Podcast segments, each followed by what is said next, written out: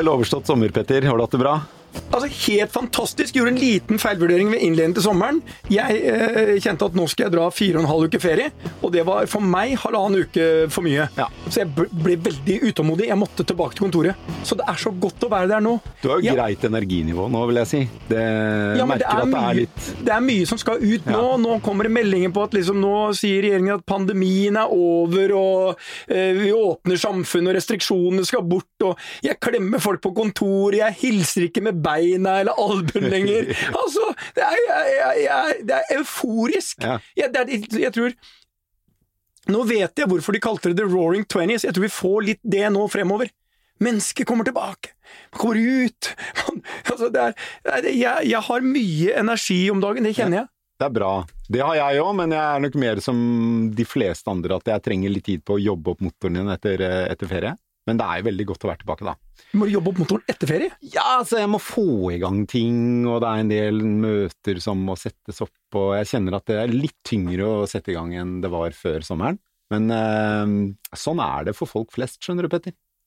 Ja, men når du har hatt ferie, Per! Ja. Nå har du- nå har jo du mye unger og sånn, så jeg skjønner at eh, det, det kanskje er litt eh, Ja. deilig å komme tilbake til kontoret Ja, det er også. det. Ja, men, men, Det er nå ferien er- er nå, ja, riktig.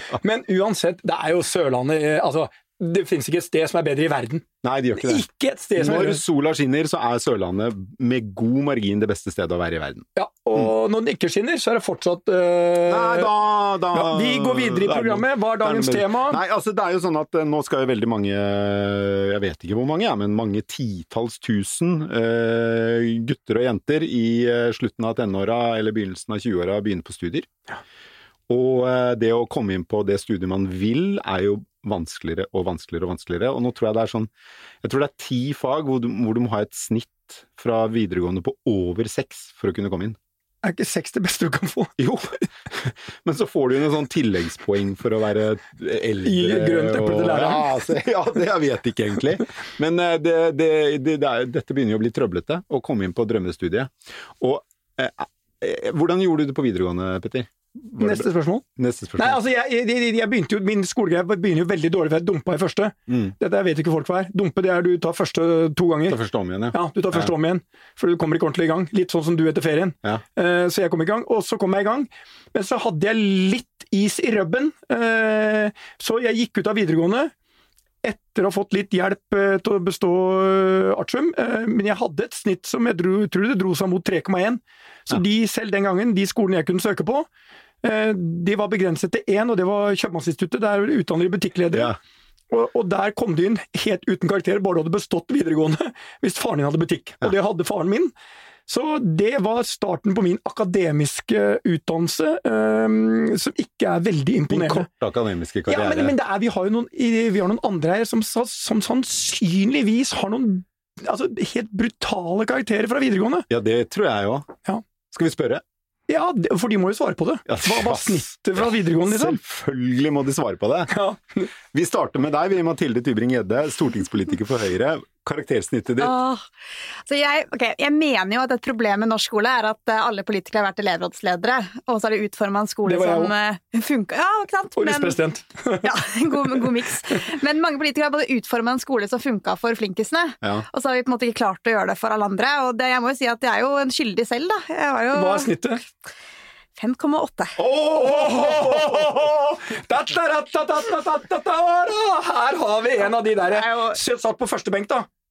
Ja da, jeg var jo elevrådsleder, og jeg var jo aktiv i alt mulig samtidig. da, Men jeg gikk jo på Oslo katedralskole. Og på Det var jo ja. liksom eh, Det, var jo, det er jo nerdeskolen, da. Det Ja. er jo et hedersbetegnelse, Ja. mente vi da. Men du fikk aldri eh, Bamas frukt- og grøntkurs og grillkurs fra Gilde. Det har jeg.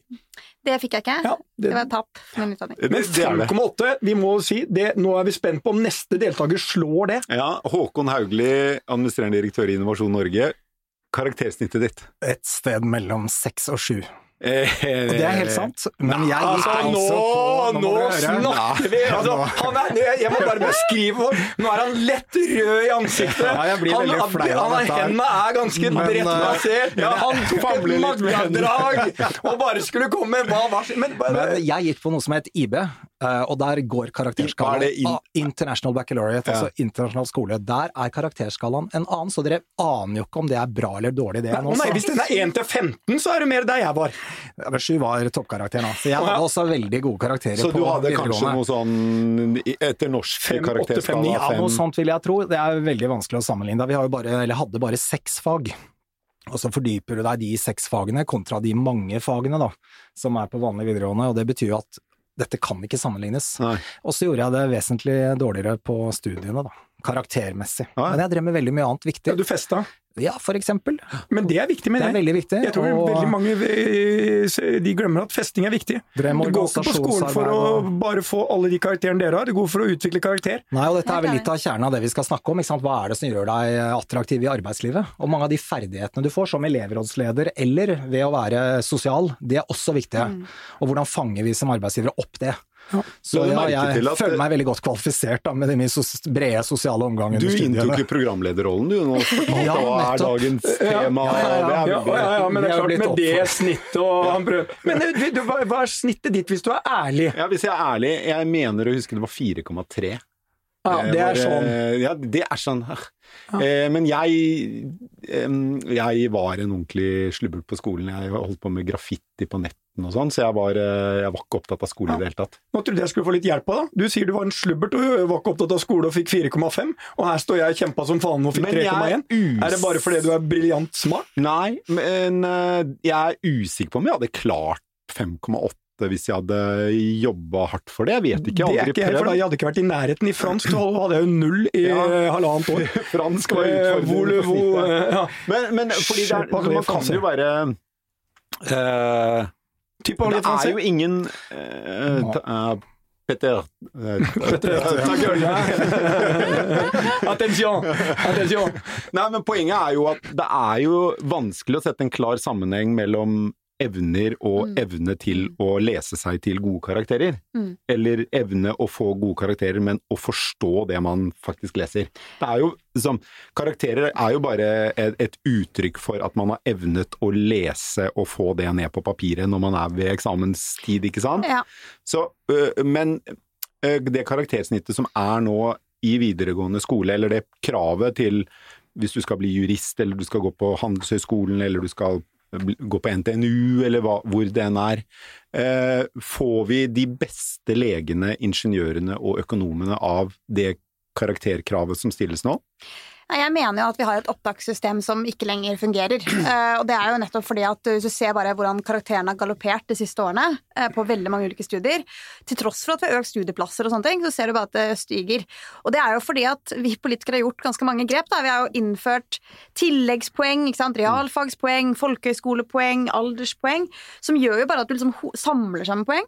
Og så ender man opp i en situasjon hvor man ja, rett og slett bruker mange verdifulle år på å ta opp fag Ja. ta opp geofag videregående 1, istedenfor å bruke det året på noe som faktisk jeg mener gir deg mer og gir samfunnet mer. Da. Mm. Så det er jo et dilemma vi har havnet i.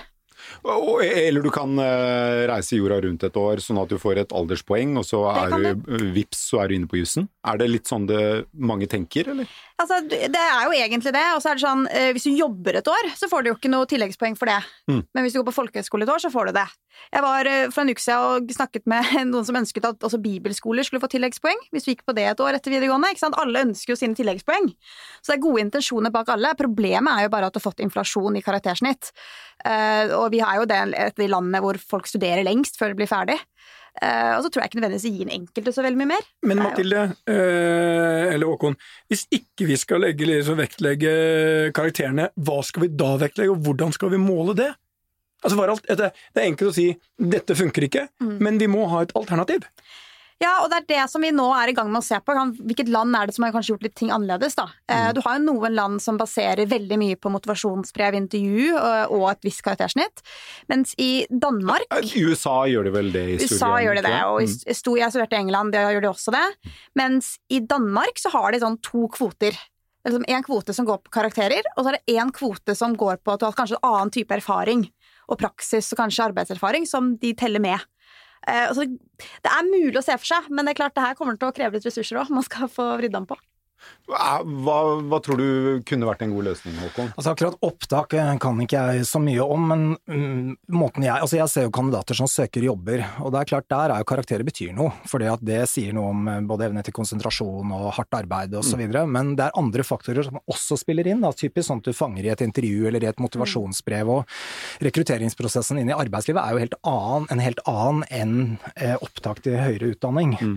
Og jeg tror, jeg tror, det vil være en god modell å finne noe som kan supplere i hvert fall karakterene. Men, men Håkon, jeg må utfordre litt, for jeg beklager at jeg stopper deg, men sånn Store som metastudier de viser at intelligens er viktigere for prestasjon enn karakterer. Hadde du vært villig til å ta IQ-målinger på de folkene du intervjuer? Men det er jo veldig mange som gjør. altså Evnetester i forbindelse med intervjuer. Ja, mange mange gjør det.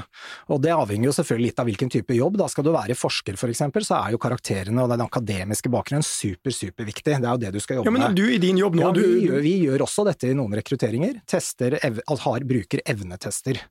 Og det supplerer jo da karakterene, som vi også sier noe. Og så tester vi også på personlighet, og det er jo et annet testverktøy. Men hvordan får du fram da de egenskapene jeg hadde på skolen, tar i morgen-fenomenet og skippertaket ja, i kombinasjon?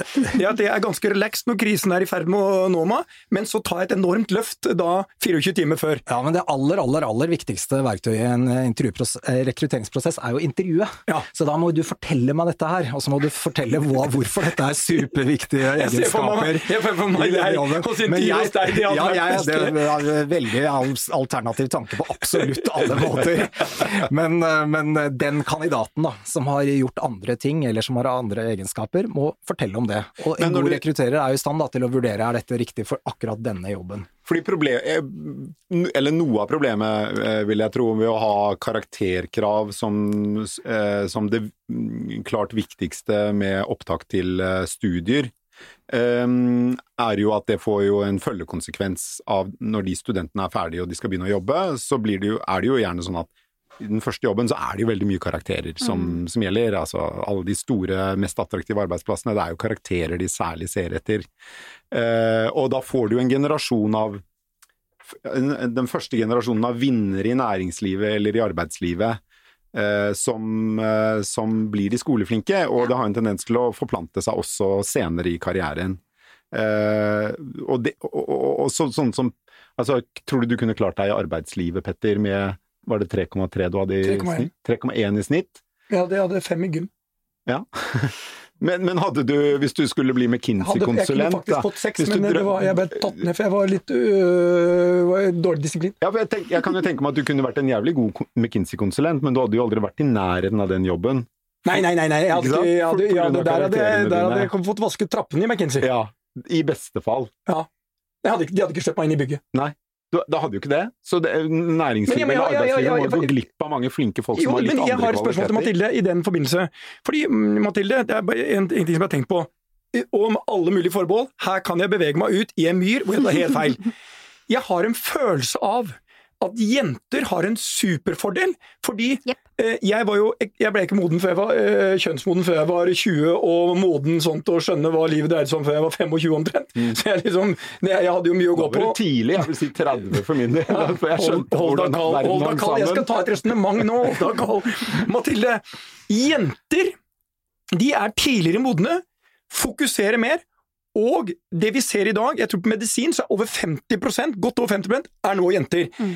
Hvis du ser på alle de studiene som krever høy karakter, så er du i ferd med å få en veldig skjev fordeling av eh, kjønn, eh, på mange måter på en positiv måte. Så de kommer til å være i ferd med å overta alle de høye studiene her har ikke jeg et stort tallmateriale, et metastudie i dette, men jeg har bare plukka opp ting underveis. Men det, Kan det bli et problem for oss? Det mener jeg er kanskje en av hovedgrunnene til at vi også må endre opptakssystemet. Fordi at du ender opp med å få sånn, hvis du har 6,15 istedenfor 6,13 i karakter, mm. så kommer du inn. Og så er det gutta som taper da, på disse desimalpoengene liksom hele tida. Ja. På mange av de mest sånn prestisjefulle studiene. Mm. Og så kan man si at uh, er veldig bra at damer kommer opp og frem, det er jo jeg er veldig for, men det er jo en utfordring hvis du får f.eks psykolog, psykologer, hvor det er veldig kvinnedominert, ja. og veldig få menn. Mm. Jeg mener også en del utdanninger hvor det er viktig med kjønnsbalanse. Uh, og, så dette, er, og dette mener jeg som vi ser i norsk skole helt fra starten av òg, at vi vet at gutta har mindre tro på seg selv som elev. De tror liksom ikke at de mestrer ting. Uh, og skolen har lavere forventninger til gutta i skolen enn de har til jentene. Mm. Og det forplanter seg også gjennom hele skoleløpet. En annen side av dette her er jo frafall. Altså, vi har én av fem som begynner på eh, videregående, fullfører jo ikke.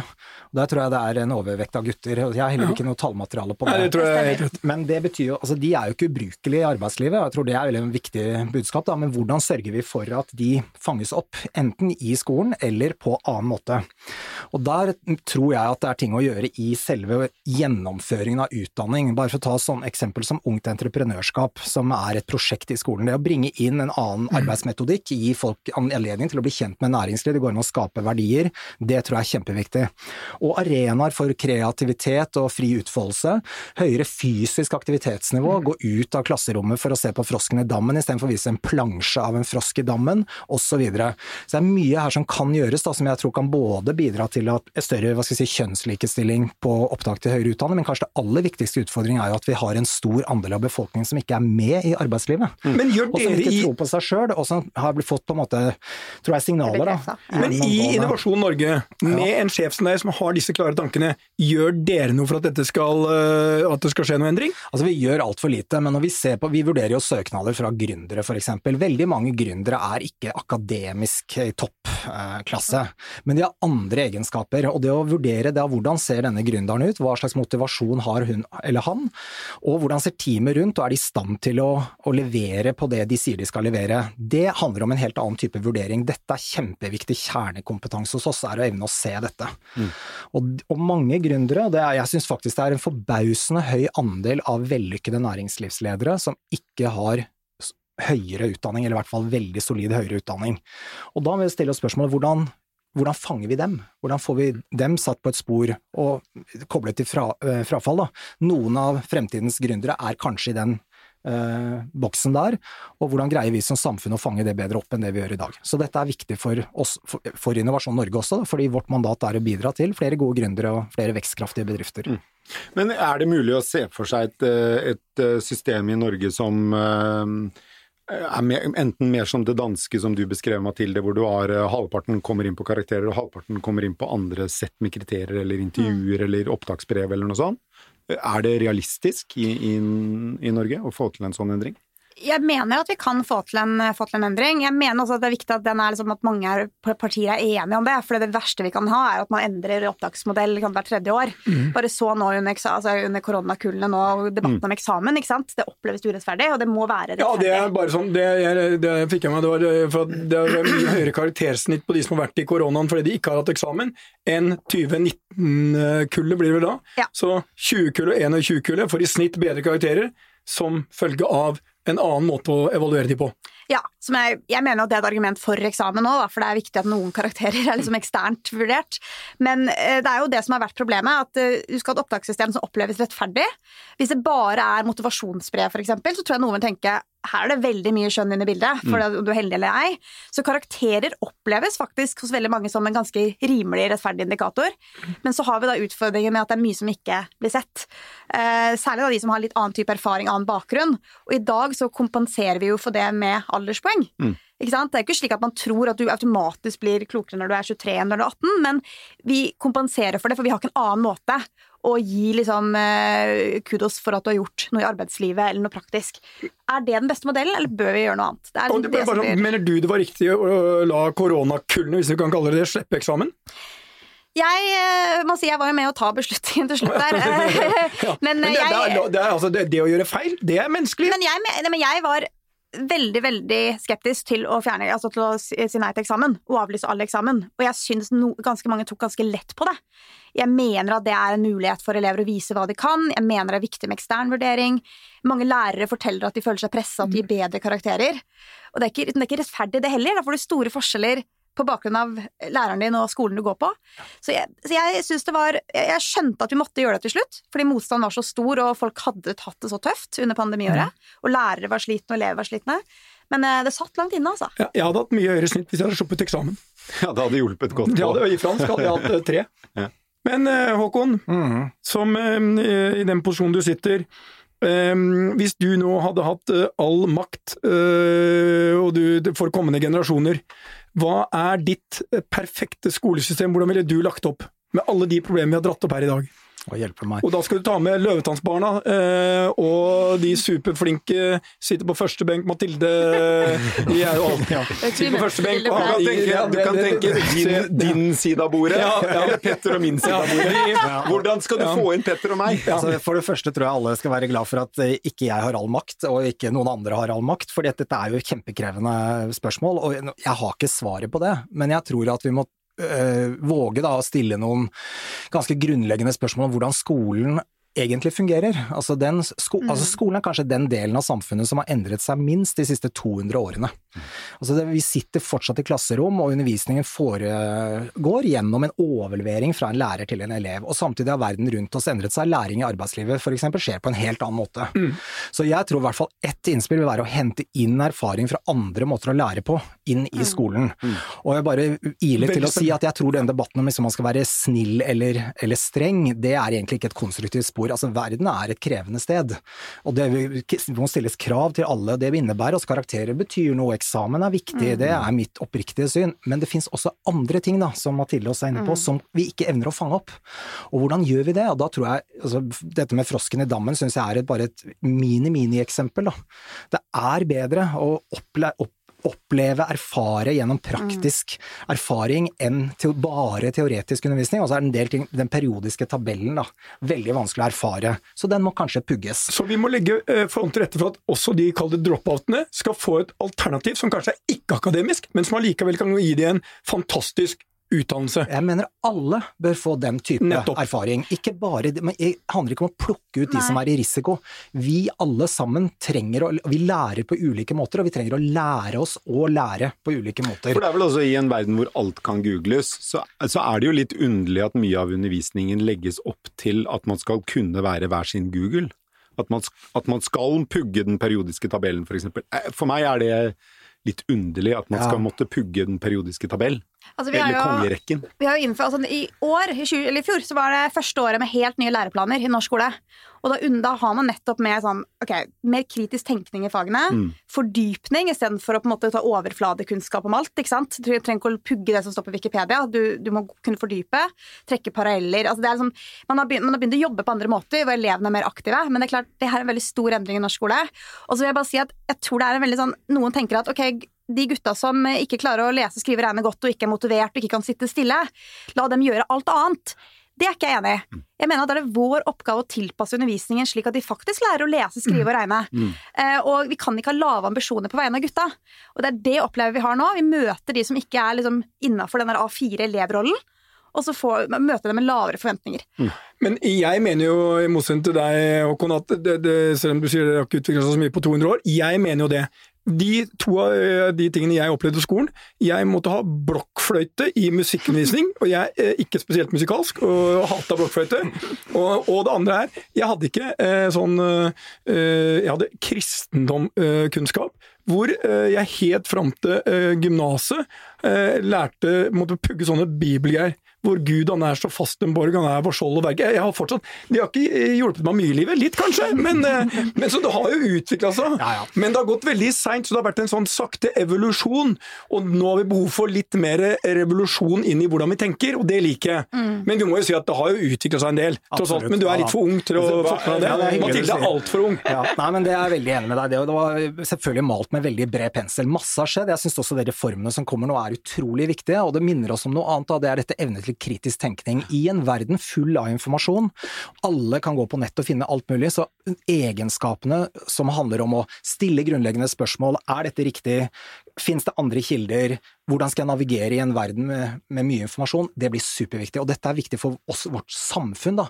Og det er viktig sånn type, tenker jeg, som næringsliv, da. Vi trenger at folk blir eksponert i skolesituasjonen for mange ulike situasjoner, fordi vi skal leve av kunnskap i Norge framover, og da har vi mange typer kunnskap vi skal leve av, og det kan være relasjoner man kan bygge, det kan være akademisk kunnskap, dybdekunnskap er kjempeviktig, men hele viften av læring må inn i skolen. Nå skal jeg ta et helt konkret eksempel til dere to. Hvordan jeg nå skal bruke alt det du sa, med å ta i bruk liksom, eh, relasjoner og alt det. Fordi jeg skal eh, det skal du opp til Arendalsuka for første gang i livet mitt. Og jeg vet, Mathilde, at du er en superveteran, tross at du er 28 år og har vært liksom der. Og jeg, du, jeg tar for gitt at du skal til Arendalsuka. Ja. Ja, dette er ja og nei. Hvor mange arrangementer har du som du er med på? Hvor mange har du? Cirka? det er to dager og tolv debatter. tolv debatter. Ja. 12-13 debatter. Ja. Oi, men altså jeg skal ned i forfølgelse. Har du vært der, Håkon? Ja, jeg skal i år òg. Du skal i år òg? Ja, ja. Hvor mange har Da du? ses vi alle Ja, det fire. da. ikke, det er færre enn Mathilde, åpenbart. Jeg får ta en øl eh, mellom slaga. Ja, det vil jeg veldig gjerne. Å, tenk å bare ta øl på bar sammen og kremme ja, det, er det jeg kan ikke vente. Men, men jeg, jeg, trenger, jeg trenger altså Nå skal jeg ha to råd fra deg, Mathilde. For, som en sånn blodfersking i Arendalsuka. Jeg har vært i Arendalsvekkan eh, i Sverige mange år på rad. Elsker det. Altså elsker det. Men Arendalsuka er litt annerledes. Mindre innslag av business og mindre innslag av liksom alt det som Andalen med sine 30 000 eh, besøkende har. Ehm, så to råd fra deg, og to råd fra deg, Håkon. Da lar vi Mathilde begynne. Skal jeg Ja, men jeg, jeg, jeg trenger jo hjelp! Jeg kommer dassen ned dit og er nervøs Som har allerede. 3,1 i snitt fra videregående. Ja, men, men, men igjen, da, hvis vi snakker om dette her at vi er litt lei av alle som er sånn flinkiser og har pugget talepunktene og kan faktaene i alle hver enkelt sak. Altså det, det, er jo, det har vi nok av i Arendalsuka. Vi har jo no, som sagt nok eh, elevrådsledere med gode karakterer. Så hvis du kan, hvis du kan bidra med sånn bare sånn alternativt praktisk innspill og refleksjoner i de debattene, så tror jeg det løfter det ganske mye. For jeg syns de debattene av og til igjen blir liksom veldig smalt, og så har man fine ord, men igjen, hvordan blir dette praktisk for folk? Enten det er arbeidslivet eller utdanningen. Eh, Og det, er de perspektivene der jeg syns vi kan få inn på Arendalsuka. Så hvis du kan bidra med det, så er jo det flott. Kjente forventningspresset gjorde at jeg ble helt svett igjen her. Jeg kan sikkert ikke bidra så mye med det, men er det, du kjenner meg litt øh, hva, hva? Ja, jeg tenkte jeg skulle gi deg et råd som eh, det kommer til å bli veldig vanskelig for deg å levere på, og det er å stå helt stille. I pollen i Arendal. Alle beveger seg i Arendal. Du kommer til å ha en fantastisk ti minutter eller dag hvis du står stille, fordi alle kommer den veien, og du treffer så mye interessante folk. Mye klemming, sosial omgang og utrolig mye input. Så stå helt stille. I en Det var veldig praktisk Jeg, jeg, skal, Veldig praktisk råd. jeg skal stå helt stille i en eller annen bar med en øl i handa og vente på at folk bare kommer og folk- klemmer og hilser og Det er faktisk et godt innspill. ja, Ja. ja. Stå stille i pollen. Det er en krevende sosial øvelse, og hvis du da legger til du har ikke lov til å bruke mobilen i det hele tatt, så du må faktisk bare stå der. Ja, men det, Det skal ikke være straff å dra til Arendal. Det, handler, dette er veldig sosialt, fordi alle er der da i gåstegn. Ja. Og kanskje noen folk som ikke er på de debattene, også beveger seg i pollen og treffer litt andre folk. Ja, og nå er det en som da ikke har lest seg opp på hvor viktig mobil er, spesielt for den yngre generasjonen. For det var en undersøkelse, igjen, her er jeg på ekstremt tynn is, som viste at ungdom fikk spørsmål, og nå har jeg mobilen i handa. Hvis du måtte velge om å kutte av en finger eller eh, ta bort mobilen et år, hva hadde du gjort? Tatt fingeren. Og så var det spurt hvis du skulle ta all, liksom kutte av armen, så var det faktisk en del som sa vi tar armen. Altså, for meg er det sånn eh, det, jeg, jeg skal bli bedre på det med mobil, men jeg har faktisk ikke så mye mobilbruk. Jeg tror du har mer enn meg. Ja, jeg har ganske mye mobilbruk. Jeg, med ja. disiplin. Eh, Nei, altså, jeg, tror, jeg tror jeg har mer mobilbruk enn deg. Det tror jeg. Men du hadde vært en, det, det, det, Hvordan tror dere Per hadde vært som lærer? Jeg bare, Vær helt ærlig nå. Hvordan har han vært han som lærer? Mathilde, skjønner, bare, jeg bare, bare bare, Den så jeg ikke komme. Jeg vet, altså, hvordan, eh, hvordan funker du sånn én til én mot elever? Altså, er du, Nei, men du, må- får du, du må gjøre analysen din basert på det du opplevde Basert på det, Ja. denne, okay. Ja. Ehm, altså jeg tror du, I den klassiske lærerrollen, å liksom overføre kunnskap og stå på en tavle, det tror jeg hadde funka veldig bra. Ja. Eh, om du hadde klart å ta disse elevaktive oppgavene og sånne ting, det er mer eh, ja, det, Streng. Streng. Ja, du hadde klassisk lærertypen. Det er Ja, du. ja, Ja. veldig. Ja. Litt 'jeg vet best'. og jeg vet alt. Og mitt kunnskapsområde er helt ufattelig. Ikke snakk til meg om historie. Jeg kan alt. Hva tror du? Altså, ja, basert på erfaring, så hvis han hadde strevd litt med å holde orden i klasserommet. ja. ja. Jeg hadde vært på gangen de mest jeg, jeg hadde vært på gangen. de hadde jeg slitt Ja, ja, jeg hadde vært på gangen. Men tror du jeg hadde vært noe jeg lærer? Veldig inspirerende. Ja. Kanskje ikke så faglig tung, men jævlig mye moro. Jeg tror, eh, Hvis jeg skulle tippe mellom oss to, så tror jeg elevene hadde likt deg bedre enn meg. Og så tror jeg flere av elevene hadde visst når andre verdenskrig begynte med meg enn med deg. Ja, men, Og hva er det viktigste? Nei, det er jeg usikker på. bare, sånn som jeg sier, jeg hadde, altså, eh, Blant de tingene som ikke er viktige, er å vite akkurat datoen når andre verdenskrig slutta, for det er så mange datoer som det er litt forskjellig i de forskjellige landene. Det Så, avhengig av hvem du spør, det. ja, så eh, jeg tror jeg hadde eh, brukt mye av timen til å inspirere elevene til å gjøre egne valg og gå ut og ha det moro, og at fest er også en viktig del av det å bli voksen, og at karakterer er definitivt ikke det viktigste. Har du bra karakter, kommer du langt i livet, og det finnes noen døvetannbarn som kommer gjennom asfalten uansett om de har 3,1 eller 5,8 og 5,9 her Ja, ja. i dette glitrende panelet. I uh, den nydelige ånden der tenker jeg det er veldig bra å slutte. Takk til eh, Håkon Haugli og Mathilde Tybring-Gjedde. Eh, Petter Løvetannbarnet, eh, lykke til i Arendal. Tusen takk. Jeg føler jeg har fått mange gode råd her. Så til alle de som skal til Arendalsuka, hvis det står en mann i pollen helt alene med en øl i hånden, så er det meg etter han fikk beskjed av hvordan han skulle være i Arendalsuka av Håkon. Ta med eplene. Ja, ta med. Vi snakkes! Det gjør vi.